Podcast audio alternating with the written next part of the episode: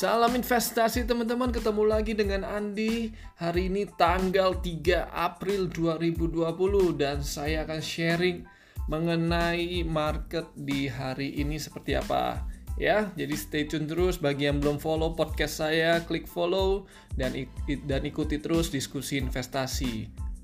Uh, weekend ini ditutup dengan 2 pers kenaikan ISG sebesar 2 persen, 2,02 persen lebih tepatnya jadi sekarang IHSG itu sudah di level 4623 ya. Tapi sayangnya hari ini masih sama dengan kemarin nih, asing masih net sell dan yang beli masih domestik.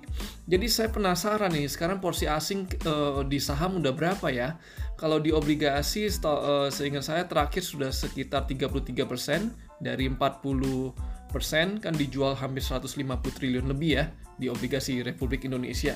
Dan kalau saham uh, sudah kayaknya penurunan nggak sebesar itu sih. Jadi menurut saya asing masih sekitar 47-46 persen lah ya di Indonesia dari total uh, holding yang ada di IHSG ini.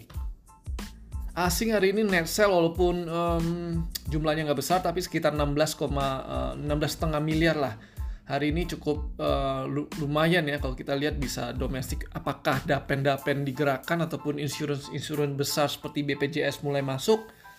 Um, atau ada buyback dari BUMN ataupun korporasi tertentu? Ya uh, detailnya saya nggak nggak nggak dapat informasi lebih lanjut. Tapi rata-rata LQ45 naik um, rata-rata ya kecuali um, ada beberapa saham LQ45 yang agak uh, stagnan Uh, tapi mayoritas naik dan ditutup di naik 20 naik 2 persenan juga.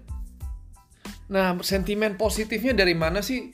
Hmm, teman-teman ada um, berita bahwa terkait dengan harga minyak. Jadi Trump um, ada sudah menjebatani lah kurang lebih uh, mengetweet dia antara uh, perang minyak antara Rusia dan Saudi dan mereka sepakat untuk sama-sama menurunkan produksinya. Ya kalau uh, ya namanya produksi ditu diturunkan, otomatis harganya akan harganya akan naik. Jadi bergembiralah saham-saham yang bergerak di bidang komoditas seperti batu bara dan uh, uh, yang relevan dengan kenaikan harga minyak harusnya ikut naik juga.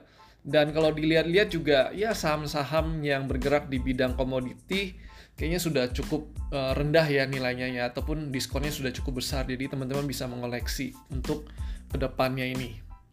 Dan apalagi kalau kita lihat juga kalau China uh, membaik dia dia membutuhkan pasokan batu bara yang besar. Di satu sisi um, kalau CPO masih agak susah nih kayaknya demandnya nih dan uh, kayaknya demandnya berkurang. India baru lockdown juga Malaysia juga uh, lockdown, Indonesia juga um, pembatasan sosial berskala besar. Uh, kemudian ya cenderung harga CPO malah nggak ke mana-mana, malah suplainya lagi banyak ini. Nah itu sedikit berbeda dengan komoditas uh, batu bara dan minyak. Kalau dari domestik kita juga pengen lihat seperti apa stimulus yang sudah disetujui sebesar 400 triliun itu akan diimplementasikan dalam membantu perekonomian Indonesia ya. Karena untuk memerangi COVID-19 ini eh, banyak kebijakan-kebijakan fiskal ataupun moneter yang diambil. Tapi sejauh ini menurut saya itu eh, fungsinya ibaratnya ya masih hanya memperlambat uh, ataupun ya memberikan sedikit angin segar lah untuk perekonomian sampai nanti virus vaksin ini diketemukan mungkin masih akan volatilitas volatilitinya masih akan sangat tinggi. Rupiah juga hari ini masih di kisaran 16.400 16.500 jadi nggak banyak uh, berubah ya posisinya ya. Tapi yang berubah itu di obligasi obligasi sekarang yang 10 tahun uh, yieldnya udah kurang lebih 8 persenan teman-teman. Jadi sangat menarik sih spreadnya dengan 10 years yang ada di US Treasury. Jadi uh, perbedaannya semakin besar nih. Jadi mungkin ke depannya uh, asing yang keluar senilai serat, hampir 150 triliun di pasar modal obligasi negara Indonesia ini harusnya ketika COVID-19 nanti udah uh, mereda, vaksinnya sudah ditemukan, karena selisih uh, dengan safe havennya ataupun US Treasury-nya itu cukup besar, yaitu se sebesar hampir 7% lebih. Jadi menurut saya dana asing tuh menil, akan melihat Indonesia sebagai sasaran ataupun potensi yang sangat menarik dari segi imbal hasilnya. Cuman memang dari segi mata uangnya kita udah minus hampir 20 persenan lebih. Jadi uh, sekarang mereka masih wait and see. Banyak kebijakan-kebijakan yang diambil oleh pemerintah pusat dianggap uh, lumayan membantu perekonomiannya, tapi uh, ma mereka masih menunggu sih gebrakan-gebrakannya seperti apa yang bisa membantu perekonomian karena sejauh ini Indonesia kan geografisnya cukup besar. Apabila dan kita juga mendekati uh, Lebaran, apabila dilakukan uh, apabila dengan pembatasan uh, sosial berskala besar ini uh, sosial ini gagal, maka mau nggak mau harus uh, dilakukan lockdown tapi itu menurut saya pilihan terakhir yang pemerintah akan ambil dan sepertinya mereka akan menghindari ke arah sana.